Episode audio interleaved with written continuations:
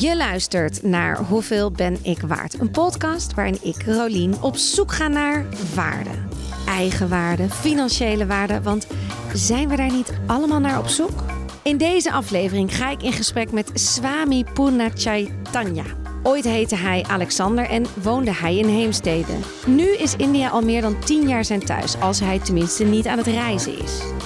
Hij op zijn zestiende Sri Sri Ravi Shankar voor het eerst zag en hoorde, voelde hij herkenning en vertrok na zijn studie richting India om daar alles te leren over meditatie. Na jarenlang vrijwilliger te zijn geweest, is hij inmiddels zelf Swami.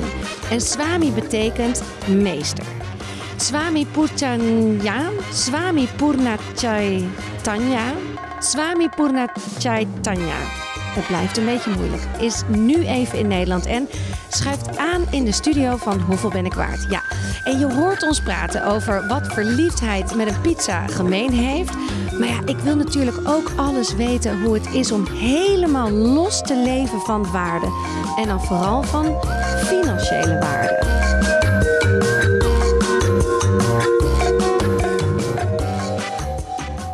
Wanneer wist je voor het eerst wat je waard bent? Nou, dat is een, goede vraag. Toen ik 16 was, uh, hoorde ik via mijn moeder over een, uh, een spirituele meester die naar Nederland, naar Amsterdam uh, kwam om een lezing te geven over spiritualiteit en menselijke waarden. Hij die nu mijn leermeester is, Sri Sri Ravi Shankar. En ehm, zij had toen net geloof ik een cursus van Art of Living gedaan, de organisatie die hij heeft opgericht.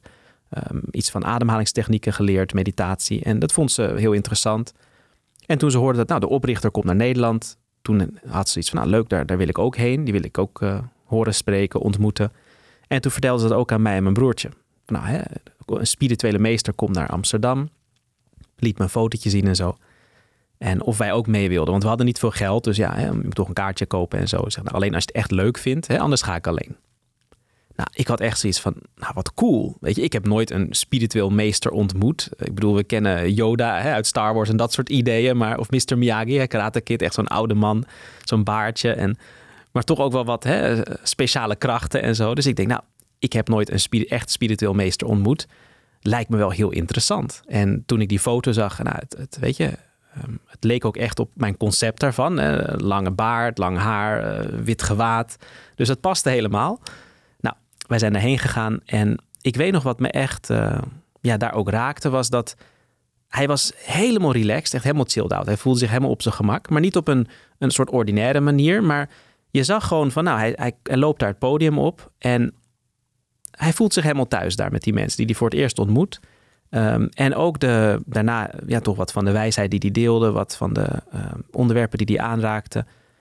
Uh, het viel me op dat het hele simpele taal was. Iedereen kon er wat mee. Helemaal niet ingewikkeld of, of heel uh, ja, zweverig of, of heel erg ja, echt concepten. Of, uh, ik, bedoel, ik heb ook filosofie gestudeerd een tijdje en zo. Helemaal niet zo.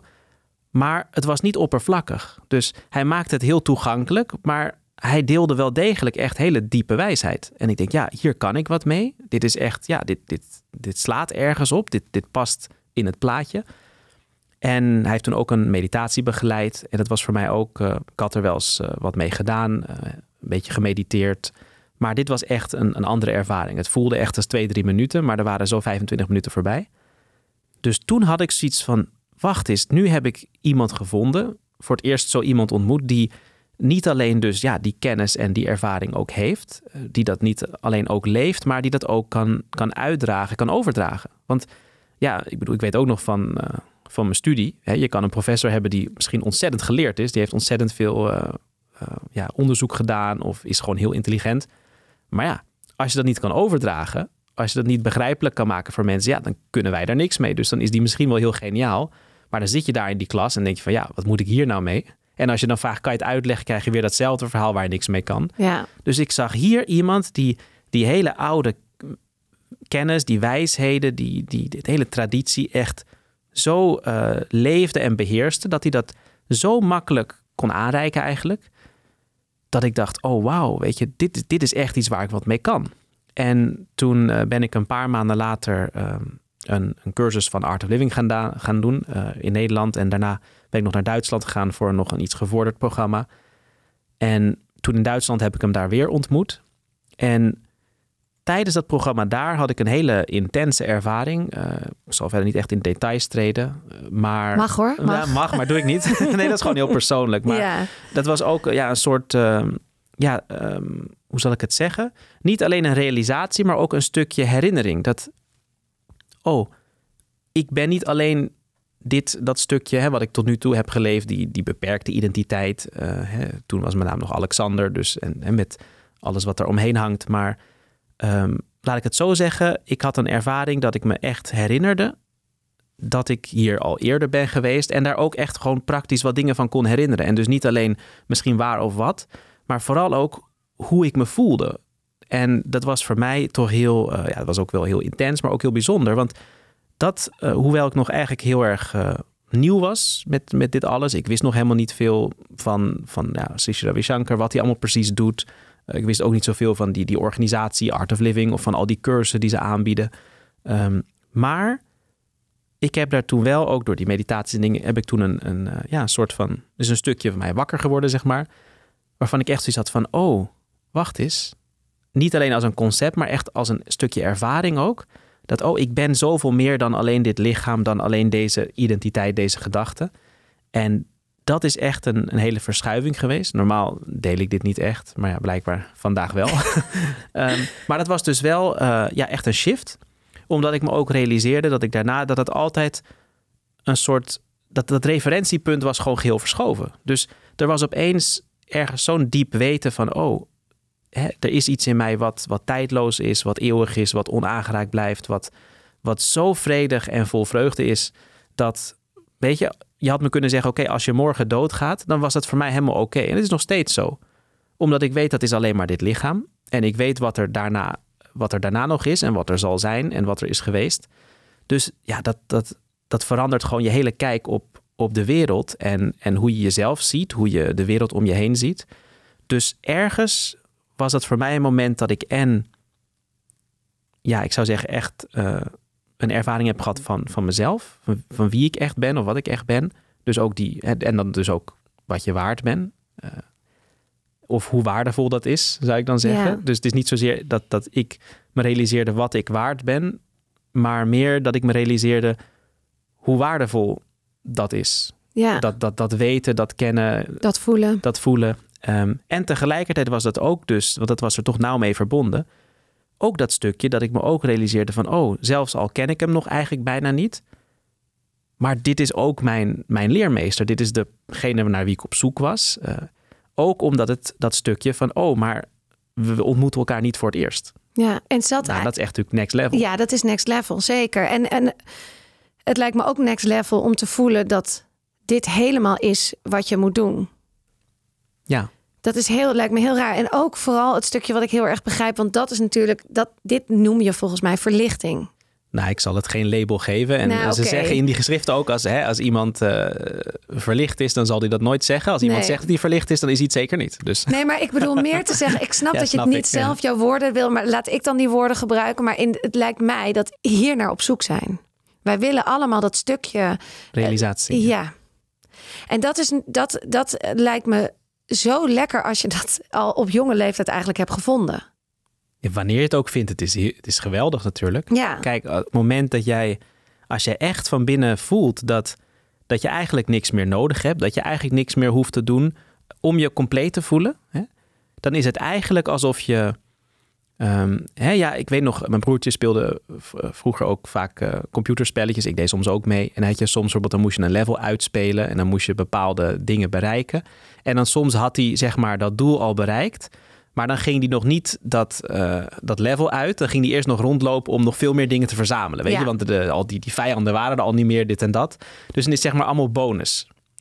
Dus voor mij, eh, ergens zou je het een beetje zo kunnen zien. Heb je eigenlijk heb je dus al gedaan waar je naar op zoek was. Hè? Dus je hoeft niks meer voor jezelf te doen. En dan kan je dus dan, oké, maar wat, wat wil ik dan doen? Hè? En dan komt het eigenlijk vanzelf, omdat je eigenlijk bijna niks meer nodig hebt, dat je zegt, oké, wat kan ik voor anderen doen? Hè? Wat kan ik voor de wereld doen? Uh, hoe, hoe kan ik bijdragen? En tegelijkertijd ook ehm, dat stukje van, oké, hè, je hebt dat ervaren. Ergens is dat een heel diep weten. En dan, maar dan is het natuurlijk ook zo van, nou, hoe kan ik dat nog meer solide maken? Dat ja, dat die kwaliteit er gewoon eh, bijna continu is. Dus Ja. het is, ehm, ik geef dat voorbeeld wel eens. Eh, het is niet zo dat je, dat je het dan weer helemaal kan vergeten. Dat kan niet. Eh, net als dat hè, als je echt weet, intellectueel, maar ook qua ervaring, dat de zon er is en dat die er altijd zal zijn, voorlopig dan, Ja, dan zelfs als het bewolkt is, ga je niet in de stress schieten van, oh, waar is de zon? Is hij er nog wel? Ik Ja. zie hem niet. Of s'nachts, waar is de zon heen? Omdat je weet, je hebt dat geleerd. Dus je hebt het begrepen, maar je hebt het ook ervaren. Dat oké, Ja. elke ochtend, als het dan weer licht wordt, hè, dan wordt het weer dag, dan is die zon er weer. En zelfs als het een maand lang bewolkt is, is wil het niet zeggen dat die zon er niet is. Die is er nog steeds. Dus dat weten is heel diep. En op dezelfde manier, op het moment dat je dus ja, zoiets ervaart, dan zelfs op die momenten dat je misschien in een stressvolle situatie zit, of niet zo lekker in je vel zit, of ziek bent, of nou, wat dan ook. Misschien kan je er op dat moment niet helemaal bij, maar omdat je het weet, raak je toch niet uit je centrum. Want je weet, oké, ik kan het misschien even niet voelen, maar het is er nog wel. ja. Maar dit is echt voor de meeste mensen bijna onmogelijk, hè? Ja, daarom heb ik het liever ook niet te veel over. Nee, want dit is gewoon. kan je dit niet is, mee? Nee, omdat het, dit voelt volgens mij echt zo veel ver van je bedshow. Het is als je zo. Als ik, als ik naar jou kijk, dan denk ik, je kan toch niet elke dag zo zijn? Ik bedoel, je kan toch niet. Je hebt toch momenten dat je super onzeker bent. Of dat je eh, d- d- je zorgen maakt over financiën, over waar je moet leven. Waar je moet, heb je dat, is dat er nooit meer? Nou ja, zoals ik zeg, het mooie is dat het moment dat jij realiseert, oké, er is in een deel van mij wat onaangeraakt blijft, Ja, dan kan het, hè, ik, ik kan bijvoorbeeld, eh, ik noem maar wat, een, een, een been breken. Nou, het is niet dat het niet pijn doet of niet onhandig is of dat ik het misschien niet fijn vind. Maar je weet van, oké, dat, is, dat is maar een been of het is maar een lichaam. Dus zelfs je zegt van, oké, nou, hè, ja, financiën zit ik sowieso niet over in de stress. Ik bedoel, ik, ik heb sowieso niet echt veel om over... Ik heb, ik heb niet echt een huis of een auto of dat soort dingen, dus daar maak ik me ook geen zorgen over. Maar ehm, zelfs als je dus in een stressvolle situatie zit... En dat hoeft niet eens alleen met mij mee te, eh, te maken te hebben. Hè, Het kan zijn dat ik bijvoorbeeld, nou, ik noem maar wat, ik, eh, ik, ik eh, ga naar een gebied met, met allemaal vluchtelingen of, of in, een gevangenis. Of eh, je ziet, hey, ik was in Afrika en dan zie je daar soms echt gewoon de, de situatie waar mensen in leven. Of dat nou armoede is of angst voor eh, hele gewelddadige criminaliteit of wat dan ook. En het is niet dat, dat je niks doet, weet je. Misschien zelfs nog meer. Ik heb echt zoiets, ja, en ik, ik zou die mensen heel graag willen helpen. Je doet wat je kan. Maar ook hier in Nederland bijvoorbeeld kom ik toch zo vaak mensen tegen. Mensen komen ook naar mij toe die ja, problemen hebben. Dus die hopen dan een stukje ja, inzicht te krijgen of, of tips of, of steun of wat dan ook. Ehm, wat zeg je dan? nou ja, dat hangt natuurlijk van de situatie af. Ja. Maar je hebt soms mensen in een situatie waar ik misschien niet direct wat aan kan doen. Hè? Iemand kan misschien terminaal ziek zijn. Iemand kan eh, in een hele moeilijke relatie zitten. Of net een, kind hebben verloren. Of nou, wat dan ook. Of, of baan eh, verloren, huis verloren. Weet je echt dat je helemaal niks kan. En natuurlijk, hè, ik, ik, ik, ik doe wat ik kan om mensen te helpen. Ook gewoon praktisch en qua inzichten. Maar ook zie je soms mensen die gewoon toch heel, ja, misschien heel angstig zijn, die heel erg zorgen maken, heel gestrest zijn. En eigenlijk altijd is het niet nodig. Als hè, mensen zeggen, ja, ik ben zo, ik zit zo in de stress, want nou, X, Y, Z, wat het ook mag zijn. Ja. En dan denk ik, ja, maar jongens, dat is toch helemaal niet zo belangrijk. Of daar hoef je toch helemaal niet, of dat sowieso in de stress schieten helpt je nergens mee. Maar dat zijn ook helemaal niet ja, hele belangrijke dingen. Maar ja, als, als je wereld gewoon nog wat kleiner is, als dat perspectief iets minder breed is, wat, wat vernauwder is, eh, waar je over het algemeen niks aan kan doen, weet je. We zijn zo opgegroeid, dat is wat je leert, hoort. Maar dan kom je in een soort tunnelvisie en dan denk je, oh ja, als ik mijn examen niet haal, of als mijn, mijn partner me verlaat, of als ik mijn baan kwijtraak, of als dit of dat, dan is het het einde van de wereld. Ja. Terwijl dat eigenlijk, als je dat wat breder perspectief ziet, denk je, ja, maar jongens, weet je, oké, je hebt je baan verloren, maar je zit niet in, in Oekraïne of je zit niet in Afrika Ja. of in, eh, hè, in, in Israël of, of waar misschien eh, het op dit moment moeilijk is, of in Zuid-Amerika waar de economie echt helemaal naar beneden gaat, of, of in Zuid-Afrika. Maar moet je Dus- dan altijd vergelijken met een ander? Want ik bedoel, jou ziet Nou, je, stel... moet, je moet helemaal niks Nee, natuurlijk. oké, je moet maar niks. wat ik dan dus probeer ja. Ja. eigenlijk uit te leggen is dat... dan zie ik zeg maar dat iemand dus ja, toch moeilijk heeft. En ik kan dan mijn best doen om uit te leggen... hoe je dat ook zou kunnen benaderen of kunnen zien. Maar je kan dat niet altijd voor mensen doen. Weet je, net, ik, ik kan mensen dingen aanreiken. Ik kan zeggen, joh, dit is mijn ervaring. Als jij dagelijks een beetje gaat investeren in uh, ja, een paar minuten wat, wat ademhalingstechnieken, een stukje meditatie, uh, een stukje gewoon, ja, dat verkennen, meer leren over hoe je geest werkt, hoe ons bewustzijn werkt. Dat kan je zoveel ellende schelen. Maar ja, totdat iemand dat doet of gaat doen, um, kan je dat niet voor iemand doen. En um, je had het dan over of ik me dan niet soms ongemakkelijk of gestrest voelt. Weet je, dat, dat doet me wel wat. Dus ik heb dan soms, dan zou ik heel graag mensen willen helpen of, of ze, ja, uh, dan zie ik dat het zeg maar niet nodig is dat ze lijden. Soms, sommige lijden kunnen we niet omheen. Maar sommige dingen zijn wel degelijk te, te verminderen of te voorkomen. Ja. Of, of op te lossen. En dat, ja, dat raakt je wel. En... Maar dan heb je het over de pijn en het verdriet van de ander. Jawel, maar dat is ook iets wat je uit je centrum kan brengen natuurlijk. Ja, maar dus... heb jij zelf nooit dat je toch door comments of doordat mensen iets van je vinden... Je hebt, bent je hebt gekozen voor een bepaald pad. Dat is wel een uniek pad. Ja, je dat moet is... het wel durven. Nou, precies. Je moet er wat lef voor hebben. Je moet het, je moet het aankunnen. Je, moet, je hebt ook getekend, misschien, of getekend zeg ik de tijd, maar je hebt ook... Ik heb niet getekend hoor, Nee, je hebt niks getekend. Nee, nee maar ik bedoel, jij, jij hebt dit bewust gekozen. Ja. Ja, daar komt veel verantwoordelijkheid misschien ook bij kijken. Ja. Maar ik bedoel meer als er, als er mensen... Ik vind wel wat van jou. Ongetwijfeld. Ja, en, heel en dat doe je niet eens mensen. bewust, dat nee, gaat precies, vanzelf. Dat bedoel ik. Ja. En sommige mensen zijn even brutaal, die schrijven er meteen over of die zeggen er meteen wat van. De ander houdt het voor, zeg maar. Wat doet dat met jou als persoon? Of ben je altijd in die verlichte, ja, dat klinkt ook zo, in die, in die, in die situatie dat je altijd gewoon je zen voelt? Of huil je wel eens? En dan over Nou- jezelf of over dat iemand wat van je vindt. Daar bedoel ik het echt over. Nou, zeker niet om wat mensen van me vinden en zo. Als ik een keer misschien een traantje wegpink, is dat eerder uit dankbaarheid. Dat, dat gebeurt wel eens. Dat ik me gewoon op een gegeven moment even zo dankbaar voel. En dat, ja, dat, dat, dat komt dan, dat overweldigt je soms een beetje. Mij in ieder geval. Ehm, maar kijk, we hadden het over dat, je noemde dat woord al even, hè? sannyasa. Dus eh, traditioneel is een sannyasi is, is een monnik, een, een ja, wereldverzaker. Klinkt een beetje kort door de bocht, maar letterlijk wat het betekent is nyasa is eigenlijk een centrum. En sannyasa betekent een hele uh, speciale of, of gevorderde manier, zou je kunnen zeggen, van uh, gecenterd zijn in je centrum. Dus eigenlijk een, een echte sannyasi is iemand die dus in wat voor situatie dan ook, toch bij zichzelf kan blijven, in zijn centrum kan blijven, niet uit zijn centrum raakt of, of niet, uh, ja, dus niet begint te, te shaken of die, ja, die, zich, die zich dus ja, bij zichzelf blijft eigenlijk, bij het zelf. En in die zin, als je het hebt over nou, hè, wat mensen van je vinden en zo.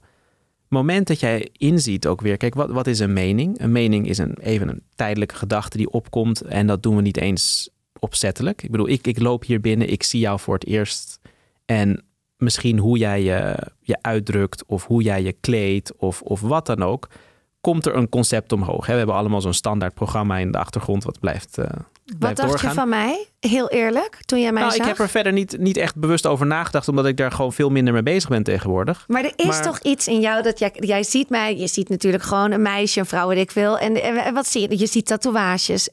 Ja, cool. Ja, maar, vind je dat dan? nee, maar maar ja. ik, ik, heb daar dus niet heel veel een oordeel over. Ik bedoel, ik vond het leuk dat je zo enthousiast was. Dat je ook zo blij was om mij te zien, weet je. Dus dat is gewoon al heel erg leuk. Ehm, maar wat ik bedoel is dat moment dat je dat inziet van, oké, dat gaat vanzelf en dat is heel tijdelijk en dat Ja. gaat niet eens met opzet, weet je. Ik bedoel, ik heb een, een- toch een soort standaard eh, ja, uniform, zal ik maar even zeggen, gewaad wat ik over het algemeen aan heb. Ehm, dan, ja, mensen zullen daar van alles van vinden. En zeker als ze niet weten waar het vandaan komt. Nou, is misschien wel heel vreemd. Of hè, waarom loopt hij in een eh, jurk of hoe het er ook uitziet. Of een, eh, een, eh, hè, een, een hoe zeg je dat, een bedsheet of zo. Of, ja, ik bedoel, het is een traditioneel India's gewaad. Maar dat, dat gaat vanzelf. En dan kan je of denken van nou, daar ga ik over inzitten. Maar ja, als je realiseert dat ik kan niet eens mijn eigen meningen echt controleren. Want dat gaat vanzelf. Je, je denkt niet, ik ga nu mijn mening veranderen. Tuurlijk, als je daar bewust van wordt, kan je een stapje terug doen.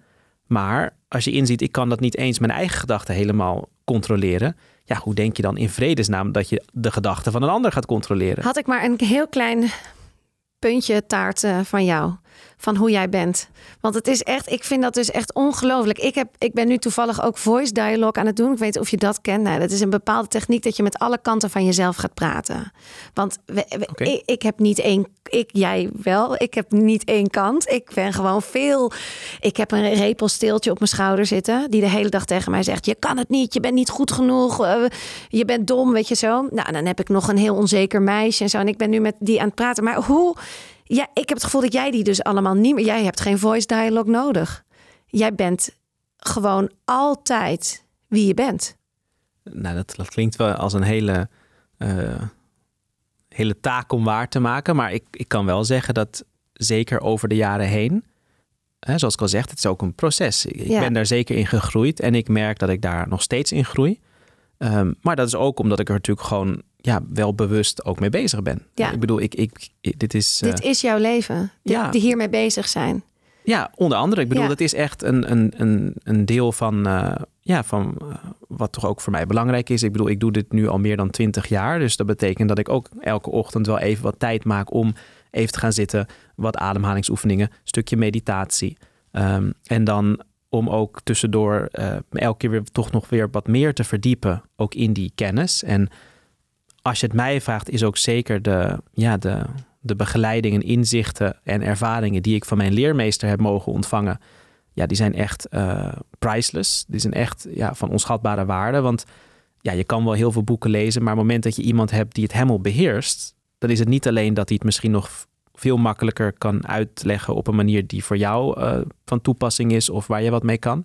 Maar die ook soms waar nodig een beetje bij kan sturen. Die zegt: Oké, nou nu is dit voor jou belangrijk. Of ga nu dat doen. Of, hè, dus ik bedoel, over de jaren heen, hij heeft me op een gegeven moment naar het noordoosten van India gestuurd.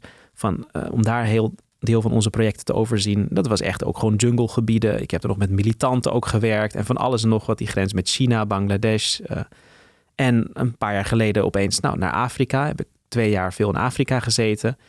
Dus dat is iets wat hij dan, dat is het enige waar hij dan misschien een beetje zo in, in aanstuurt. Maar dat had ik zelf nooit verzonnen. Nee. En dan zie je van, oh, dan kom je ergens en dat is toch weer echt heel anders.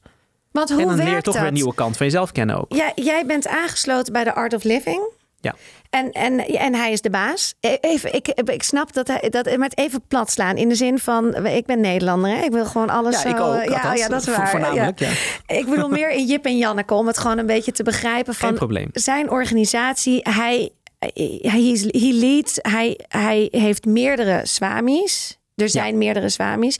Jij bent de Europese. En hij zegt, hij, hoe werkt dat? Hij zegt gewoon, jij gaat nu naar Afrika. Maar, en dan bedoel ik vooral, hoe werkt dat ook financieel? Waar is jouw huis in Nederland? Waar zijn je kleren? Wie, hoe was jij? Waar eet jij? Uh, ja. Zo, je... als je mij een tikkie stuurt, kan je die wel betalen? Kan je, nou, inderdaad kan jij mijn tikkie wel betalen. Nee, maar hoe, heb je überhaupt een bankpas? Ja, tuurlijk. Dat, Oh, ja. Tegenwoordig ontkom je daar niet aan. Nee. Oké, nou als, als we het plat willen slaan, even heel kort door de bocht. De Art of Living is een, een wereldwijde organisatie, eigenlijk movement, beweging, eh, die door hem geïnspireerd is, gestart is. eh, gebaseerd op vrijwilligers. Dus eh, bijvoorbeeld hier in Nederland hebben we ook een, een raad van overzicht. Het is een stichting. En ja, iedereen die daar meehelpt, dat zijn allemaal vrijwilligers. Soms, dus ze hebben een baan, een gezin, doen dat er, ernaast. En het kan soms in meer of mindere capaciteit. Als je mee wil helpen, ben je van harte welkom en we doen van alles. Ja. Nou, zo ben ik ook begonnen. Nou, toen ben ik op een gegeven moment naar India gegaan. En daar hebben we ook, zoals ik al zei, bijvoorbeeld in het zuiden van India, in Bangalore, is het internationale hoofdkantoor. Nou, dat is een, een campus met. Een ashram. Ja, ashram. Ja, meer dan een ashram. Echt een, ik zou zeggen, ja, echt een, een, een campus. Want ja, het is, uh, we hebben daar meer dan 50 kantoren. Uh, meer dan duizend vrijwilligers die daar soms voor korte of langere termijn dus bijdragen aan van alles. Dus alleen al die plek zelf. Ja, we hebben daar yoga retreats, uh, meditatieprogramma's waar soms echt duizenden mensen aan meedoen. En die verblijven daar ook. Daar hebben we genoeg kamers voor. Maar dan heb je ook, dan moet je voor die vijf of tienduizend mensen moet je ook nog koken. Dus je hebt een hele eetzaal nodig, een gigantische keuken, logistiek. Nou, dan heb je nog allerlei projecten die worden overzien. Uh, van alles en nog wat. Ja. Dus daar ben ik toen fulltime als vrijwilliger gaan uh, bijdragen. Maar krijg je dan wel... Je mag ja, daar dus, wonen en je krijgt ja, eten. Dus je hebt een kamer en ja. de, die, uh, je hebt een kamertje. Je krijgt daar gewoon te eten. En dan ja, nog een klein bedrag elke maand... waar je gewoon wel je, je, je toiletspullen, dat soort dingen van kan kopen, zeg maar. Dus een soort van, ja, honorarium noemen ze dat. Um, en um, nou ja, toen op een gegeven moment... heb ik toch een stapje verder ja, gemaakt, is een groot woord. Hij heeft me die kans gegeven, maar toen hij mij ook als Swami inwijde, was ik niet alleen maar meer een, een trainer van Art of Living die bepaalde programma's en cursussen geeft of een projectleider. Maar toen ja, werd ik toch ook iemand die hem ook kan vertegenwoordigen in dat stukje als een, ja, spiritueel leider of, of meester eigenlijk. In de zin van, dat is hij, hè, naast het feit dat hij een humanitair leider is en vredesambassadeur en wat al niet, is hij ook voor heel veel mensen over de hele wereld echt een spiritueel leider of, of zelfs een religieus leider, zeg maar. Dus dat stukje kunnen wij als Swami ook vertegenwoordigen. Dus het kan soms zo zijn dat, dat hij ons ergens heen stuurt om ja, uh, zeg maar voor hem uh, te spreken op een congres. Of ergens een, een, ceremonie te overzien. Of uh, hè, dat noemen ze dan een puja of zo. Dus dat kunnen wij allemaal ook doen. Um, en dat is ook echt iets, hè, zoals ik al zeg, voor, voor je leven. Dus eigenlijk ging ik van fulltime naar lifetime volunteer, hè, vrijwilliger. En als ik bijvoorbeeld nu zo rondreis, dan uh, bijvoorbeeld, laten we zeggen Afrika. Nou, dan uh, stel ik ga, ik heb een tour dan in Zuid-Afrika. Nou, en dan is het dus vaak weer vrijwilligers daar. Dat iemand zegt bijvoorbeeld, nou, in Johannesburg, oké, je kan een week bij mij logeren. Ik heb nog wel plek. En iemand anders zegt: Oké, je kan een week bij mij. Of dan ga ik naar Durban. Oké, dan kan ik bij iemand anders logeren die een kamer over heeft. En dat doen ze met alle liefde. Nou, en dat stukje reiskosten en zo wordt allemaal. Uh, Vanuit Art of Living waarschijnlijk. Ja, van die programma's die ik geef. Dus dat is een stukje onkosten. Dus uh, verder hebben we dus ja, minimale onkosten maar eigenlijk. heb jij nu wel geld om shampoo te kopen, bijvoorbeeld? Je eigen ja, dus geld? Hier, hier geven ze me ook wel wat elke maand dat ik gewoon. En ik heb dan. Uh, uh, nou, hier dus ook, uh, omdat natuurlijk, hè, ik, ik, woonde ooit hier, dus mijn vader is er nog. Dus nou, dan, wanneer je dus in, in deze buurt bent, kan je, kan je hier hebben we een kamertje voor je over.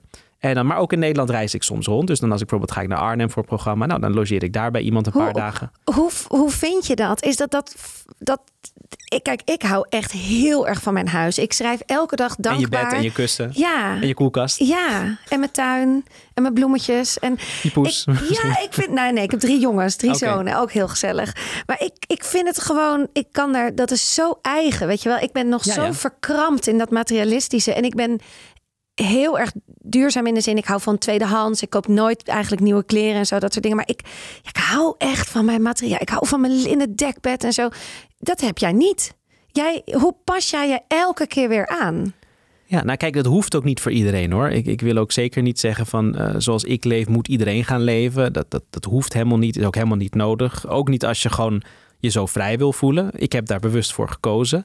Um, maar ja, het is wel zo. Op het moment, uh, tuurlijk, in het begin heb je misschien soms, hè, dan zit ik daar in India en denk van, oh, ik mis toch wel echt mijn, uh, gewoon dat lekkere zuurdees en brood wat we hier hadden met, uh, ik noem maar wat, avocado of met die kaas of dit of dat. Maar ja, er zijn er weer hele andere lekkere mooie dingen. En ja, als je daarheen gaat, dan heb je ook een kans om dat te ervaren. En zo merk ik ook van ja, ik heb echt in bamboehutten geslapen. Ik heb gekookte bladeren en rijst gegeten en zo en van alles en nog wat. En voor mij was het echt een realisatie van oké, nou dit is wat anders. Dit heeft ook zijn, zijn eigen unieke smaak of charme. Maar zelfs als het niet geweldig is, ben ik alsnog eigenlijk heel gelukkig. Niet omdat dat nou zo geweldig is, maar juist omdat het daar niet meer van afhangt. Dus je komt dan, eigenlijk wordt je comfortzone zo groot dat je voor dat ware comfort, want uiteindelijk is dat een gevoel van binnen. Hè? Tuurlijk kan je zeggen, fysiek is het soms niet zo comfortabel. Ja, als ik 18 uur in een, in een gammele bus zit, op die bergwegjes op en neer een hele nacht lang. En als je dan aankomt, het eerste wat ik dan doe, is dat ik even nou, mijn handen was, dit en dat. En dan ga ik even op mijn yogamatje liggen. En dan doe ik wel een paar stretches, want dan hoor ik echt zo tak, tak, tak, tak, tak. Je hele ruggengraat weer op zijn plek, zeg maar. Want ja, wie weet waar, hoe je daar in die bus zat. En dus tuurlijk kan je zeggen, fysiek was het misschien niet zo geweldig. Maar als jou, jouw gevoel van, van comfort of, of dat gemak van binnen... Uh, als dat er niet van afhangt, ja, dan kan je dus eigenlijk overal wel op je gemak voelen. En natuurlijk, uh, soms misschien dat ik ergens slaap en denk je, oké, ja, dat matras is wel erg zacht. Of uh, soms lig ik een keer ergens op de vloer. Of is het kussen niet, niet geweldig? Nou, dan word je wat stijver wakker 's ochtends. Maar ja, dat is oké. En als dat, ja, als dat secundair wordt, als je zegt, ja, ik ben hier om iets bij te dragen. Dus dat is het meest belangrijk. Dan is mijn comfort en hoe geweldig of, of fijn het is, is minder belangrijk. En als je dat echt consistent wil doen, dan kan dat alleen als je toch echt van binnen een stukje, ja, dat die ware vrede hebt gevonden. Want anders ja. trek je dat niet. Ik bedoel, nee. dat, is, uh, dat is heel duidelijk. Dus ik kan heel erg genieten hoor. Als, als iemand heerlijk voor me kookt. Of als ik zelf iets klaarmaak ergens. Of als ik een keer ergens in een uh, vijf sterren hotel uh, word ondergebracht. Ik had laatst een, een literair festival in India. Hadden me uitgenodigd. Nou, en dan kom je daar als, als belangrijke spreker. Door dat boek wat ik had geschreven. En ja, dan is het gewoon standaard policy van nou ja, iemand van dat kaliber, om het maar even zo te zeggen. Nou, die stoppen dan wel in een vijf sterren hotel. Nou, dan zit ik opeens op een hele luxe plek vind ik ook heel leuk, weet je. Voel ik me bijna een beetje zo stout, zo van, oh leuk, nou ik heb hier zeg maar twee bedden en ik heb er maar één nodig en uh, ik kan kiezen, een... kiezen, kiezen, wat voor kussen ja, er is en gaat zo. er dan een kind in jou even, wordt dan, komt dan ook vrij en doet er een kussen Dat kind is er sowieso wel hoor, maar okay. in de zin van, maar het leuke is van, daar kan ik dus ook van genieten. Ja. En als ik een keer ergens bijvoorbeeld juist het tegenovergestelde, dan heb ik ook een beetje zo'n iets avontuurlijks. Van nou, kijken hoe ik, hoe ik hiervan kan genieten. hey, en, en, het, en een heimwee, ken je dat woord?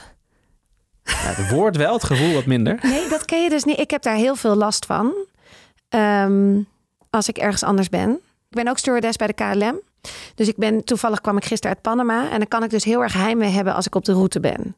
Dan wil ik zo graag naar huis. Maar dat, dat huis, dat, dat, dat is India voor jou. Um, ergens wel. Maar ja, ik ben daar dus ook steeds minder. Het is meer een soort tussenstop geworden tegenwoordig ook. Dus uh, ik leef toch echt uit een koffertje. Wat zit er in dat koffertje? Oh, je wil echt alles. Uh... Ik we wil alles weten, ja. Nou je ja. mag dingen voor jezelf houden natuurlijk. Maar het is gewoon. Ja, als we. Nou, het is verder denk- geen geheim hoor. Maar ik denk van nou ja, als je normaal iemand zegt van nou doe jij je koffer maar even open. Zijn er toch bepaalde dingen van je denkt van nou dat Nou, ik hoef niet alles te weten. Maar ik bedoel, ik, ik, hoeveel kleding koop je dat nog vaak? Of is dat, zit daar veel in? Of hoe? Is het een grote heb- koffer? Valt wel mee. Want kijk, je moet het ook eh, mee kunnen nemen. En ik moet het toch ook zelf mee kunnen zeulen. Dus ik heb een kleiner koffertje. Nou, stewardess weet je dat hè. Zo'n zo'n eh, zo'n hand luggage, cabin baggage. Wat is het? Ja, ja precies. Dus eh, daar zit, dat is eigenlijk een beetje mijn, mijn office. Dus daar zit mijn laptop, eh, wat andere elektronica die ik soms nodig heb. Hard- een paar harde schijven, weet je, dat soort dingen. Microfoontje. Ehm, en ook wat, wat spulletjes die ik gebruik. Ehm, ik heb ook elke ochtend een soort ochtendritueeltje wat ik doe. Ook met wat mantra's, dit en dat. En dan heb ik ook wat, wat kleine mooi eh, setje met wat... eh, hè, dat, dat heb ik allemaal geleerd. Het is een klein ceremonie, wat water, wat dingen. Dus er zit een bakje, een lepeltje. Wat van dat soort dingetjes, zeg maar, zitten daarin. Ehm, en de grotere koffer, de, check-in baggage, dat is, eh, dat is mijn huis eigenlijk, zou je kunnen zeggen. Dus daar zit een, een heel opvouwbaar lichtgewicht yogamatje in. ehm, wat toiletspullen. ja, en dus kleren. En dat is dus ja, iets van misschien vier, vijf setjes van eh, een beetje mijn standaard eh, eh, outfit, om het maar even zo te noemen. En ja, nog gewoon wat t-shirts, dingen, een, een, een, of twee joggingbroeken en dergelijke. Dat is het dan. En alles is wit. Ja, bijna alles. Is dat een, wat is de reden dat het wit is? Nou ja, dat is, dat is traditie. Dus je hebt eigenlijk in, in India, ehm, of hè, wanneer iemand een swami wordt, is het vaak of wit, of ja, een beetje dat saffron, dus een beetje een soort oranje-achtige kleur de, Ja. die ze dragen. Dus eh, in, in, in, ons geval, mijn geval, kijk, mijn, mijn meester, mijn leermeester, die, eh, die draagt ook wit. Weet je, dat is, we zijn, dat is onze traditie. Dus hè, net als dat je zegt van, nou, dat, dus dat volgen wij ook, dat houd ik ook aan. En eh, ja, op zich is het dus heel makkelijk, want ja, het is wel, de kleren zijn op zich hetzelfde. Dus ik hoef me ook helemaal niet zorgen te maken, s ochtends van, nou, wat ga ik vandaag aandoen? Want ja, dat, dat, dat staat al klaar eigenlijk. Ja, ja is ook heer, geeft ook enorme rust, denk ik. Ja, dus ergens is het, eh, is het een beetje van, ik heb misschien heel lang geleden gekozen om niet meer te hoeven kiezen. En eh, ik wil nog heel even over geld. Oké. Hot Wat- topic tegenwoordig. hè? Ja, ja, nou ja, maar Mensen willen van alles manifesteren. Ja, een Lamborghini en zo, weet ik veel wat ze allemaal willen. Ja, nee, inderdaad. Maar kijk, geld, ik vind geld ook belangrijk. In de zin dat geld, een goede relatie met geld is belangrijk. Vind je dat ook? Ik kan natuurlijk ja zeggen. Kijk, eh, ben ik wel benieuwd hoe je dat dan definieert. Belangrijk voor wat? Nou, en wat is een goede relatie? Kijk, als je niet genoeg geld hebt, is het een probleem. Ja. En ik denk dat, nou, geld is gewoon, je moet je hypotheek of je huur betalen. We kunnen niet allemaal zijn zoals jij. Er ook moet helemaal nee, niet. precies. Dus er zijn Dat ook ook gewoon, werken, ja. nee, daarom. Dat zou, nou, of juist wel, want Nee, dan hebben ga we. ik dan logeren? Ja, nee, daarom. Laten we dat nou maar niet doen. nee, maar ik bedoel, geld is iets ehm, dat, wat we nodig hebben, wat belangrijk is. En ik, een goede relatie met geld is dat je niet bijvoorbeeld bang bent voor geld. Of dat je niet angst hebt zitten op geld. Of dat je niet... Dat bedoel ik met een goede relatie. Ja. Maar dat is oh. eigenlijk met alles, toch? Ja. Hetzelfde is met voeding. Hetzelfde is met, met, je, met je partner. Ja, Of maar met je geld gezondheid. heeft iets heel spannends nog. Maar geld heeft ook iets. ehm, we praten er niet over. We durven nog niet echt transparant te zijn. Ik vind het al heel bijzonder dat jij al best wel veel vertelt over. Ik vraag me dan ook af: is Art of Living ook transparant in wat er gebeurt met het geld? Ja, ja, tuurlijk. Want sommige cursussen zijn best wel prijzig. En ik bedoel, een retreat, denk ik, als je naar, eh, naar India wil gaan, zal niet heel goedkoop zijn. Nou, goedkoper dan hier hoor. Denk ik nog wel. Want het is natuurlijk ook, je hebt ook een stukje onkosten. Ja. Hè, dus kijk, als wij hier een, eh, ja, ik noem maar wat, toch een, een redelijk leuke plek willen huren met een zaal. eh, ja, dan ben je zo eh, een paar duizend euro alleen al kwijt aan gewoon die zaalhuur en zo. Want ja, dat betalen anderen er ook voor. En kan je wel zeggen, ja, maar zij doen maar, eh, hey, ik bedoel maar wat, zij doen een talk met 100 mensen daarin. En wij kunnen er maar 40 kwijt, want ze moeten op een yogamatje. Ja. En we doen het vier dagen lang. Maar ja, dat is voor hun natuurlijk dezelfde inkomsten. Dus ja, dat moet je er dan voor betalen. Nou, en dan moeten we dat wel weer terug kunnen verdienen natuurlijk. En we doen het niet puur alleen om mensen die ervaring te geven, maar ook omdat we toch heel veel eh, ontwikkelingsprojecten hebben. Eh, niet alleen in India, ook in andere delen van de wereld. Waar we bijvoorbeeld eh, gratis programma's aanbieden in een gevangenis of in een sloppenwijk of, of in dorpen, interieure gebieden. Of in India hebben we iets van bijna duizend schooltjes in interieure gebieden die gratis onderwijs aanbieden. Nou ja, je kan niet zeggen, oké, dit jaar hebben we minder donaties ontvangen, dus we doen even 200 schooltjes dicht. Ja, waar gaan die kinderen dan heen? Ja. Dus een deel van die projecten, die, die eh, subsidiëren we ook vanuit onze eigen, nou wat we dus ver- verdienen, Ja. zeg maar, met die cursussen. Dus dat gaat erheen. Maar dat is, dat is heel transparant hoor. Maar in mijn geval, ja, ik heb dus niet zoveel nodig. Nou, hoe wordt zo'n prijs be- be- bepaald bij jullie? Stel dat je dus inderdaad zo'n ceremonie of zo'n event Nou, kijk, nu hebben we dan een, een, net als waar ik ooit jaren geleden toen in Amsterdam bij ben geweest, is het Ja. een avond met Sri Ravi Shankar, Ja. waar hij twee uur een programma eh, gaat geven, eh, me- mensen meer gaat leren over, over meditatie, over hoe je intuïtie kan versterken, nou, verschillende dingen. Ehm, en wat wij hebben gedaan is, nou, we moesten natuurlijk een, een, een locatie vinden. Nou, dat werd uiteindelijk, omdat Amsterdam was eigenlijk alles al volgeboekt. En we kort wilden niet iets heel kleins. Dus toch, ja, liefst dat zoveel mogelijk mensen daar eh, baat bij kunnen hebben. Dus dat werd toen de, de Vil in, eh, in Haarlem. Nou, daar kunnen iets van 1200, 1300 mensen in. Eh, dus dan kijken we een beetje, oké, nou ja, als we dat zo in willen delen, ehm, wat moeten we er dan voor vragen? Dat en het zo toegankelijk mogelijk is voor mensen. Want we willen toch dat zoveel mogelijk mensen, als ze dat graag willen, erbij kunnen zijn. En natuurlijk heb je een beperkt aantal plekken. Dus als het vol is, is het vol. Maar het liefst natuurlijk dat de prijs geen barrière wordt voor mensen. Dus dan kijken we een beetje, nou, wat is, eh, wat is toegankelijk? Ook wat is gepast. Want als je zegt van ja, als mensen al, eh, ik noem maar wat, 50 euro betalen voor een of ander lokaal iets, dan iemand van zoals hij, als wij daar dan 20 euro voor vragen, ja, dan doen we hem eigenlijk eh, tekort. In de zin van, dan, ja, dan is dat ook weer niet. eh, Dus het is toch zo denken belangrijk. mensen toch. Ja, dus geld is wel belangrijk in de, om, om iets uit te, te bepalen in waarde.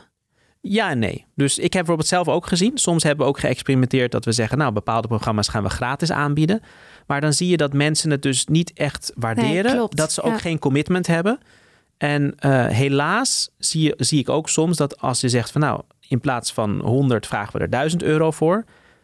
Dan zal zo iemand zelfs als ze buikpijn hebben wel degelijk komen opdagen. Ja. Want die hebben zoiets van ja, shit, ik heb wel gewoon 1000 euro ervoor betaald. Dus die commitment is heel anders. Zeker in het begin, eh, als mensen het nog niet zo kennen. Maar toch willen we het dan zo toegankelijk mogelijk houden. En heb je zoiets, oké, we moeten al onze kosten kunnen dekken. Ja. En het liefst willen we dan ook nog wat overhouden, zodat we ook die projecten kunnen ondersteunen. Want ja, weet je, daar kan je ook echt mensen mee helpen. Ik bedoel, dit is leuk voor jou en mij om hem daar te zien spreken. En hij doet het met alle liefde, dus hij hoeft daar niks van. Maar het liefste is natuurlijk toch van ja, dat het ook wel iets bij kan dragen. Als Ja. het hier niet nodig is. Of dat nou in Turkije is na die aardbeving.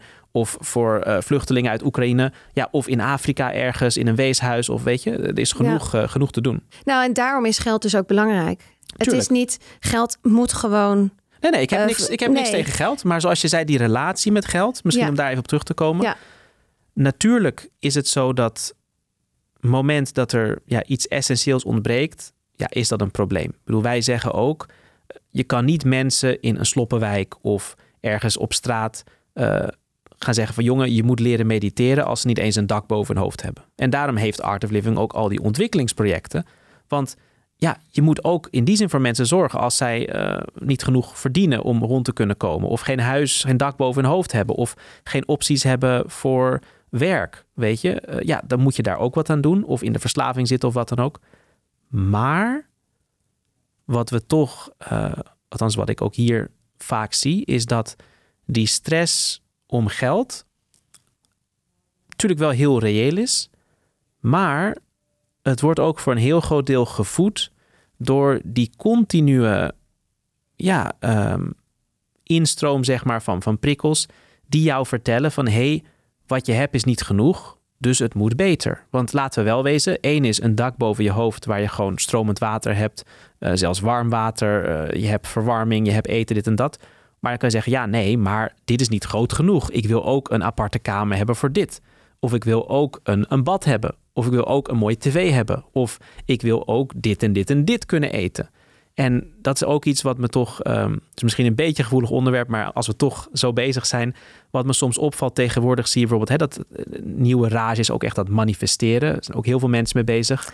Maar, maar dan, dan zie je wel um, dat het plaatje dat geschetst wordt, is dan van oké, jij kan hier leren manifesteren, je intenties zetten en dan kan jij daardoor, zonder verder iets anders te hoeven doen blijkbaar, kan je nou eindelijk je favoriete auto hebben, een prachtig huis op een mooi eiland, een bloedmooie vriendin of dit of dat of wat dan ook.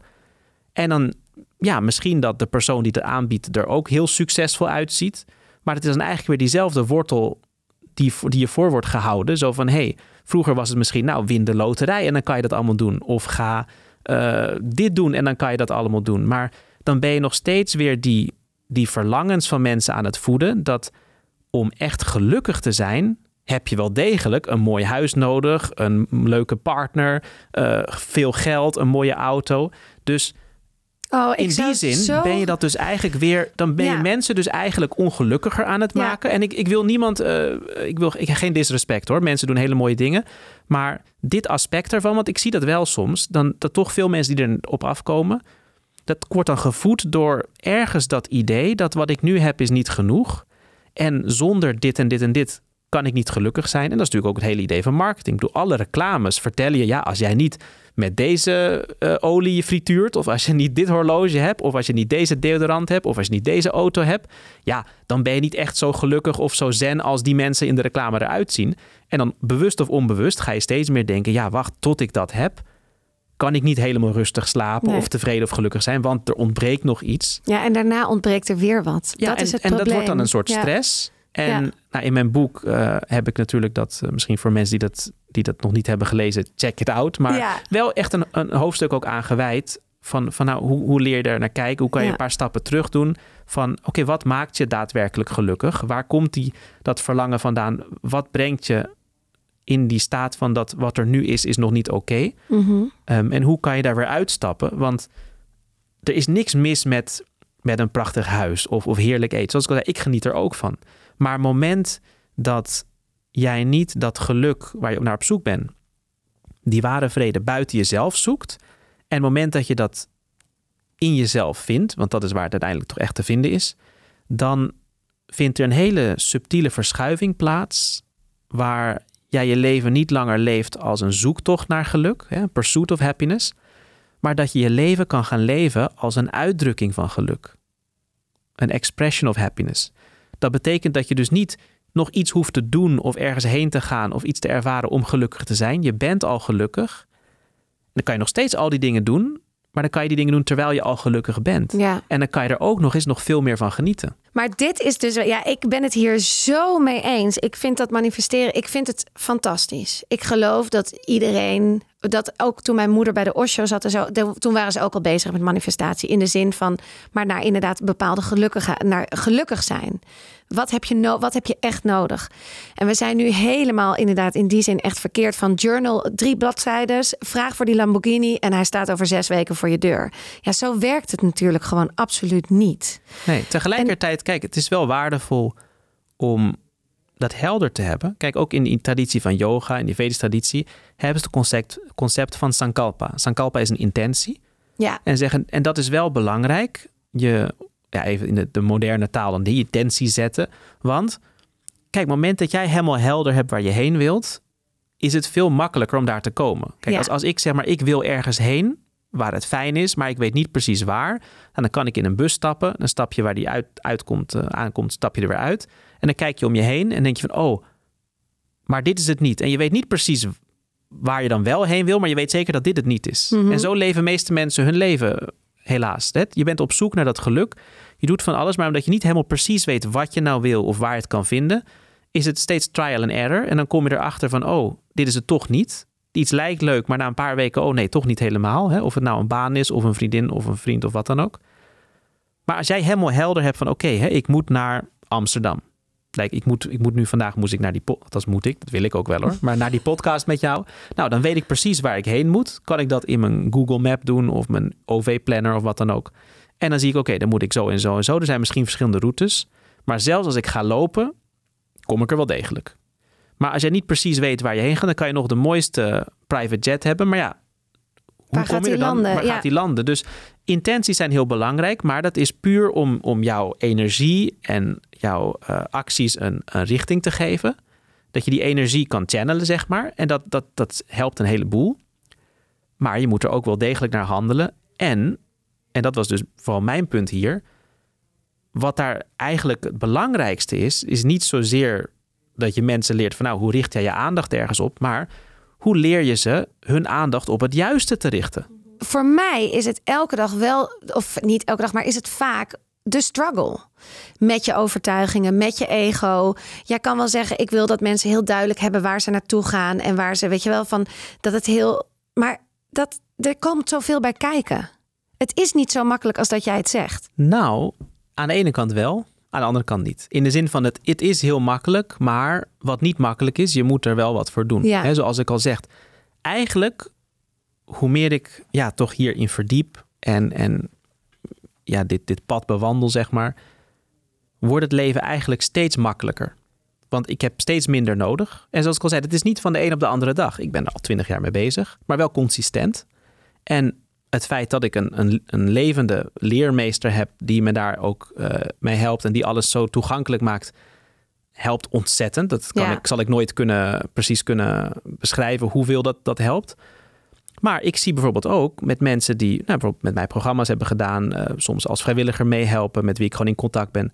Dan zie je ook, ook in hun geval, niet alleen in mijn geval, dat toch over, over de jaren heen al zo'n verschil, soms al binnen één of twee jaar, dat, dat ze zelf ook zeggen van nou weet je, mijn leven is zo, eh, ik zal wij- niet zeggen veranderd, maar zoveel beter geworden. Gewoon Ja. omdat er toch ja, wat van die onnodige dingen van afvallen. Dat maar je we dus willen minder... een quick fix. Fit. Hoe zeg je dat? Fix. Quick, fix. Ja, dat, want- dat willen we allemaal tegenwoordig. een pilletje is- of zo. Ja, jij zegt dan ja, één of twee jaar. Ja, sorry, daar heb ik geen tijd voor.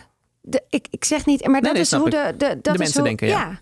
Het moet gewoon nu. En dat is dus met manifesteren. Je hoeft gewoon maar een Insta-cursus te doen. Kost je 70 euro. Ik noem het.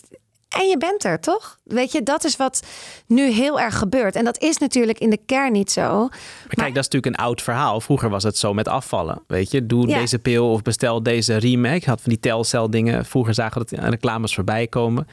Uiteindelijk is het ook een stukje, als je het mij vraagt, toch eh, ja, ehm, volwassen worden of, of intelligentie. Dat op een gegeven moment mensen toch zich realiseren, wat ik me ook realiseerde, van ja, weet je, maar zo werkt het niet. Uiteindelijk, wie het ook vraagt, wat dan ook. En dat ik zie het nu ook tegenwoordig weer overal terugkomen. Eh, mensen die echt iets hebben bereikt, of het nou gewoon puur op fysiek niveau, qua sport, fitness, eh, wat dan ook, andere skills of mentaal, emotioneel, spiritueel. Uiteindelijk ontkom je niet aan die toewijding, discipline en consistentie. Ja. Dus wat het ook is, of je nou wil afvallen, of je je lichaam wil sterker wil maken, flexibeler, wat dan ook. Dus uiteindelijk, als mensen zeggen, ja, twee jaar heb ik er niet voor over. Ik zeg niet dat het twee jaar duurt voordat je resultaten ziet, of dat je je beter voelt. Eh, Mensen doen een, een driedaagse cursus bij ons. En na die cursus hebben ze iets van, wauw, wat ik in die paar dagen heb, niet alleen heb ervaren, maar ook wat ik nu mee naar huis neem, is al zo waardevol.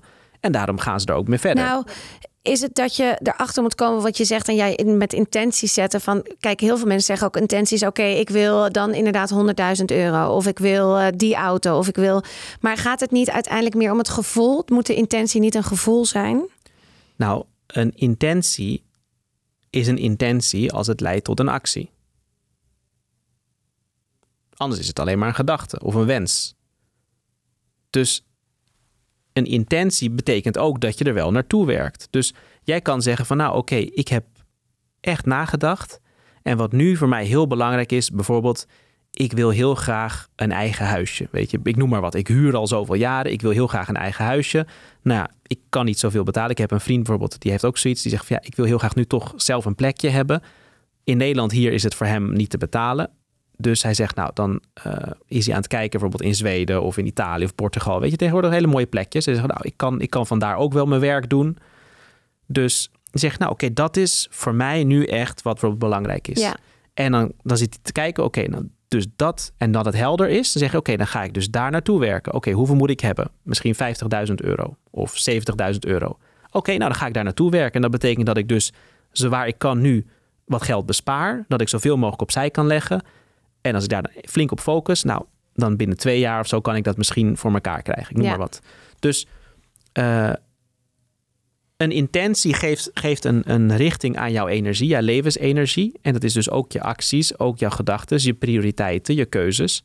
En als dat helder is, dan gaat dat werken. En natuurlijk, het zeker voor mensen die al eh, wat langer misschien mediteren en dit soort eh, dingen doen, dan jouw, jouw bewustzijn is heel krachtig. Dus je gaat ook dingen aantrekken.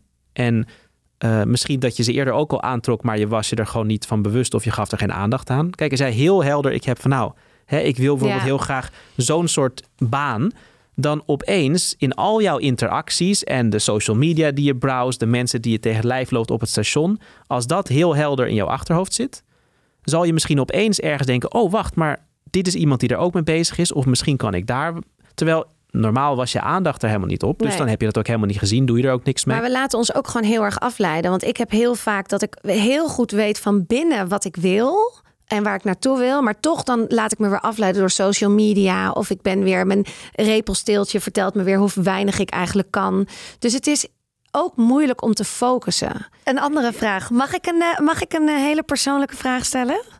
Mag, Wel ja. Wel ja. hey, jij huisje, boompje, beestje. Nou ja, jij, jij bewandelt een ander pad. Ben je dan nooit verliefd? Je bent ook een mens.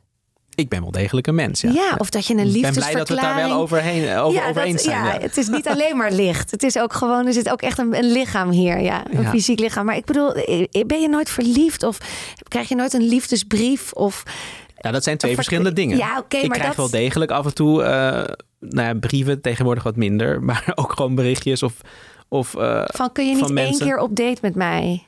ja, of twee keer of drie keer of misschien eh, nog langer. Nee, maar kijk, hoe zal ik het uitleggen? Zoals ik al zei, aan de ene kant, liefde en verliefd zijn is, is niet helemaal hetzelfde. Je kan liefde voelen voor, voor, voor je hond, eh, voor je kinderen, voor je ouders, voor mensen, ook voor, voor je partner. Vriendschappen, ja, alles. Ja. Dus eh, liefde is veel breder. Verliefdheid is natuurlijk, ja, ik bedoel, ik ben ook wel eens eh, verliefd geweest. Hè. Ik ben in middelbare school en zo heb ik ook vriendinnetjes gehad. Maar op een gegeven moment had ik wel zoiets van, oké, zoals ik al zei, er, er mist eigenlijk niks. Dus er is, is niet eh, een behoefte. Dat je denkt van, oh, ehm, ik, eh, ik kan niet zonder iemand of ik heb dat nodig om me compleet te voelen of gelukkig of wat dan ook. Ehm, en hoe je het misschien ook een beetje zou kunnen zien is dat, kijk, het is niet dat ik bijvoorbeeld iemand niet kan waarderen. Hè, stel iemand, volgens mijn mening, ziet er heel leuk uit of, of mooi uit of eh, doet iets eh, heel mooi. of, maar het moment dat jij dat niet hoeft te hebben, dat het niet van jou hoeft te zijn, dan kan je dat waarderen zonder er iets mee te hoeven doen. Ik ben, ik ben vegetariër. Nou, stel ik loop een pizzeria binnen en ik zie daar een prachtige pizza met misschien eh, vlees erop of vis of zo. Misschien ruikt het ook wel heel lekker. Maar ja, als ik dat niet hoeft op, als ik dat niet opeet, is dat geen probleem. Weet je, ik kan dat waarderen. Nou, dat hebben ze heel mooi gemaakt, maar ik hoef dat niet. Dus dezelfde manier, ik kan bijvoorbeeld iemand zien, nou, misschien ziet iemand er heel mooi uit. Dat kan ik ook echt waarderen, maar daar hoef ik niks mee. Snap je? Of is het te, te subtiel? Nee, ik, ik snap het- dat het wel, het is- maar het is, het is ik vind het dat je iets niet hoeft. een Net als dat je, je loopt op, op, op straat, ik noem maar wat. eh, en je ziet hè, dat window shopping. Je ziet ergens de etalage een prachtige jurk. Ja, maar dat zijn allemaal waarderen. materialistische dingen. Ik bedoel, een pizza is iets naar- materialistisch. en Maar als je een- kijkt naar een, een relatie bijvoorbeeld. Hè?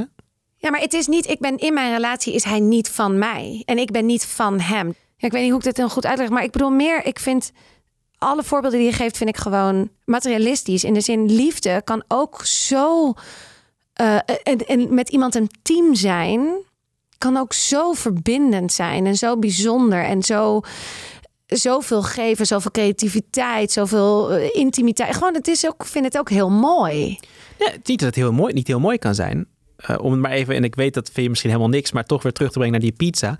Misschien als je dat eet, smaakt het ook heel lekker. Ja. Maar als het bijvoorbeeld hè, over een, een relatie, dat, dat verliefd zijn. Stel, uh, nou, ik, ik, ik geef ontzettend veel om iemand of, of ik, ik, ik, ik hou heel veel van iemand. Ja. Maar als ik niks van die persoon hoef, stel, stel dat dat mogelijk is. Hè? Ja. Als je niks van die persoon hoeft, dan hoef je daar dus ook niks mee te doen. Dan, ehm, hoe zal ik het uitleggen? Dan uh, dat hele idee van bijvoorbeeld hè, een, een relatie, dat, dat hoeft dan dus niet op die manier. En zoals ik het een beetje zie, is hè, je kan heel veel van je liefde op één persoon of een paar personen richten. Of je kan zeggen: Oké, ik, ik ben er voor iedereen of voor heel veel mensen. Dus het is ook niet dat ik bijvoorbeeld niet van mensen hou. Maar ja, ik ben aan de ene kant ben ik zo tevreden en voldaan dat ik dus niet voel dat er iets mis. En ik, ik heb heel veel mensen van wie ik hou. Ik heb hele goede vrienden. Uh, en, ik heb, en, en ook gewoon mensen die ik misschien niet eens zo heel lang ken, maar ja, die ik gewoon heel erg waardeer of wat dan ook. Maar daar hoef ik verder niks mee. Snap je? Dus, Ja. En kijk, als ik het echt helemaal uit wil leggen, dan moeten we nog een stapje dieper. Maar ik heb zoiets, ja, ik weet echt niet of mensen daar hier wat mee gaan kunnen. Maar um, nee, ze hebben nou zo aan te kijken. Naar, Ja, ik Oké, ben wel even, heel dat is wel een risico natuurlijk, maar laat ik het zo zeggen. Moment dat je gaat ervaren dat voorbij dit stukje dualiteit Ja, we echt allemaal één zijn. Dat, dus dat er wat er in jou zit, dat bewustzijn of hoe je het wil noemen, dat is niet iets los of anders van het bewustzijn wat in mij zit. Of het bewustzijn wat in, in iemand anders zit. Dan als, die, als dat, dat gevoel van eenheid er af en toe tussendoor komt, dan is er, dan is er dus geen, geen ander meer. Dus dan, dan is überhaupt het hele concept wordt dan een beetje obsolet. ja, dus we zijn dan allemaal met elkaar getrouwd. En we hebben allemaal relaties met elkaar. Alleen dus niet, dit is een fysieke relatie. Jij Alleen, hebt... Nee, maar dan, dat, dat is ook mij. Dat, ja, dat precies. ben ik ook. Dat, ja, ja, dus getrouwd ja, is weer ja. nog een heel gedoe. Nee, dat zou, ja, precies. Dan wordt het wel heel ingewikkeld. Nee, maar ik bedoel, dit is dus alleen, ja, ja, dat is, dit is een, ik heb een fysieke relatie Ja. met mijn partner. Dat is een fysieke relatie, maar eigenlijk hebben we allemaal. Zijn Nee, we ver- want, want als je zegt we zijn verbonden of we hebben een relatie, dan is er nog steeds dualiteit. Oh ja. Maar daarom zeg Als ik, je dit is dus een beetje next level. los kan zien, ja, dit is, ik vind het ook echt next level. Het is wel super Maar ik moet het wel interessant. even aanraken, Ja. want anders is het soms lastig te verklaren natuurlijk. Nee, ik, ik vind het ook super interessant. Maar het is gewoon bijna niet te bevatten voor mij. Ik denk voor heel veel mensen. het- Ik begrijp wat je probeert uit te leggen, maar het is bijna niet. Ik, ik Ja, kan. daarom hebben we het er ook niet zoveel over, Nee. omdat ze zeggen, kijk, bepaalde dingen kan je eigenlijk alleen ervaren. Ja, Want als je het bijvoorbeeld hebt over iets wat subtieler is dan onze gedachten of onze geest, dan, of je intellect, dan kan je dat dus ook niet logisch verklaren. Want als het binnen dat, binnen dat, dat de purview of dat domein van het intellect is, is het niet iets wat eraan voorbij gaat.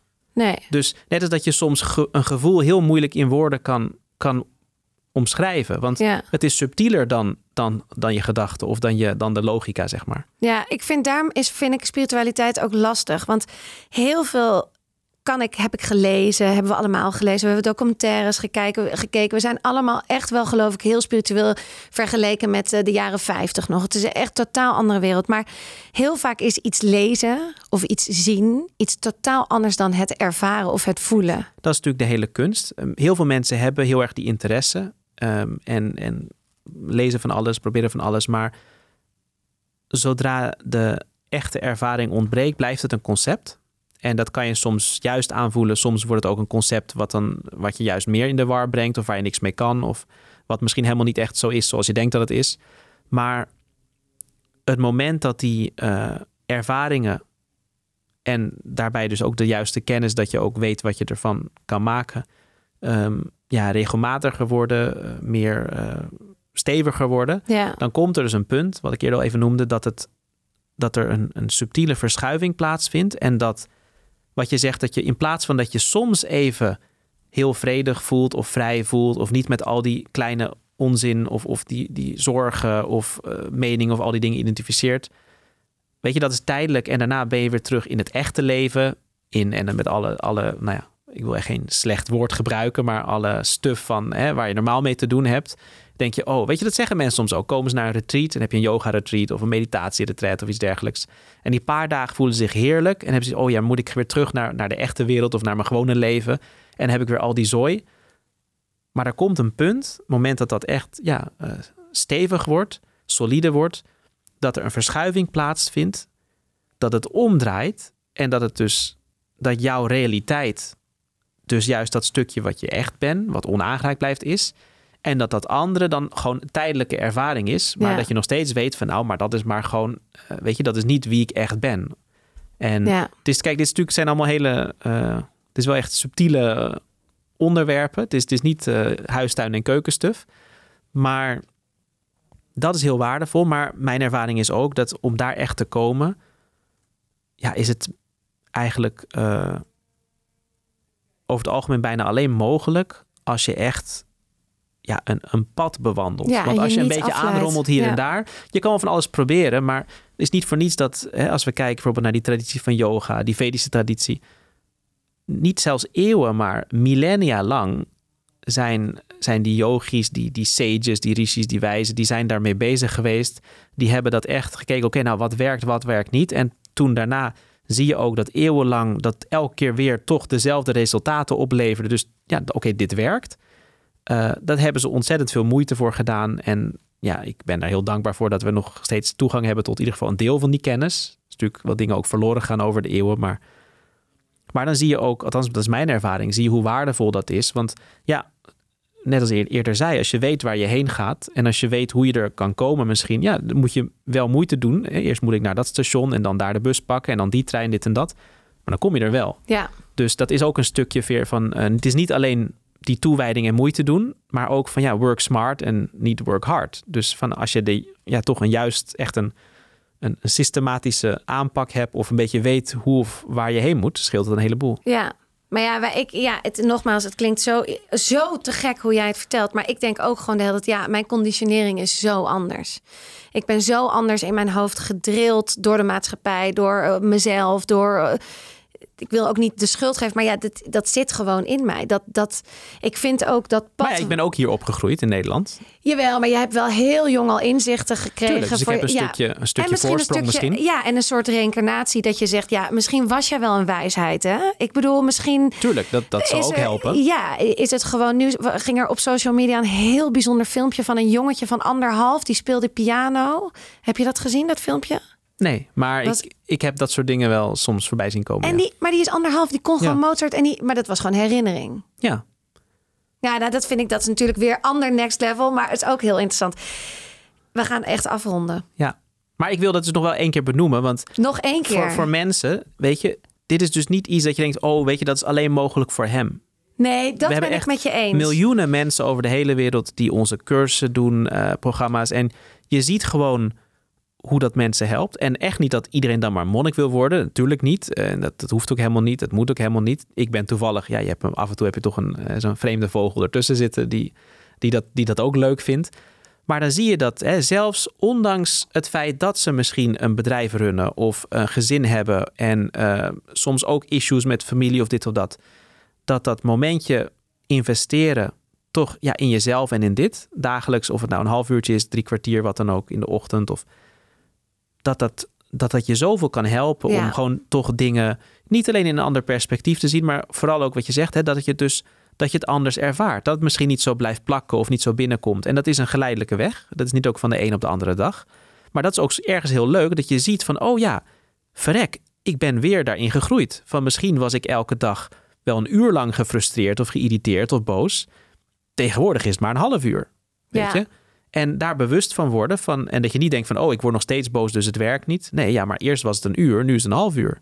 En dan wordt het misschien 15 minuten. En dan misschien 10 minuten, dan misschien 5 minuten.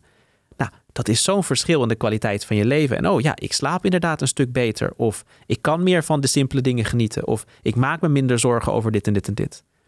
En ja, ik hoop dan uh, natuurlijk dat toch ook door de dingen die ik doe, uh, of het nou dat boek is, of, of mijn programma's, of als ik mensen ontmoet, of een podcast als dit, dat ik uh, misschien toch mensen ook een beetje kan inspireren met, met mijn verhaal van hey, weet je, dit is ook mogelijk. Want ik denk, ja, dat zien we toch te weinig. Je ziet al die, die reclames voorbij komen en het moet allemaal groter, beter, sneller en, en duurder en luxer.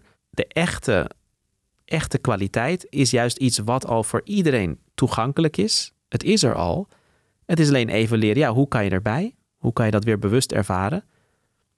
Ja, en, en dat, is, dat is zo mooi, weet je. Het, het is echt voor iedereen. Ik ben het helemaal met je eens dat, dat dit echt voor iedereen mogelijk is. En ook vanuit je eigen huiskamer of uh, vanuit uh, op het strand zitten, whatever. Daar heb je niks voor nodig om dit te gaan in gang te zetten. Dus het is niet dat, dat mensen dus maar alles weg moeten doen.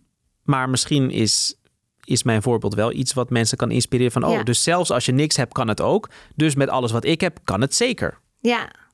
Ja. Toch? Stukje stilte ook zien. opzoeken, ja. Ja. Ik leef uit een koffer, dat hoef jij niet te doen. Jij hebt je heerlijke je huisje en, je, en al je dingen. Dus dan zou het toch nog makkelijker moeten zijn. Ja, nou, je, je comfortabel te voelen. Altijd welkom.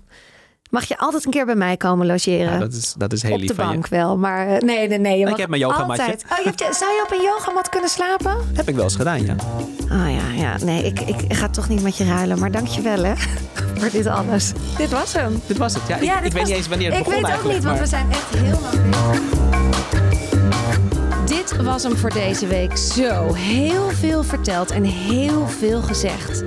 En nou ben ik natuurlijk heel erg benieuwd, wat zijn jouw gedachten naar het luisteren van mijn gesprek samen met Swami Purna Chaitanya? Wij spraken er namelijk nog op kantoor heel lang over na. Dus laat me weten, wat vond je ervan? Wat deed het met je? Wat neem je ervan mee? Ik ben echt heel erg benieuwd. Ja, en je kan me natuurlijk vinden op Instagram. En ook in Spotify kan je een berichtje achterlaten. Voor nu, tot de volgende!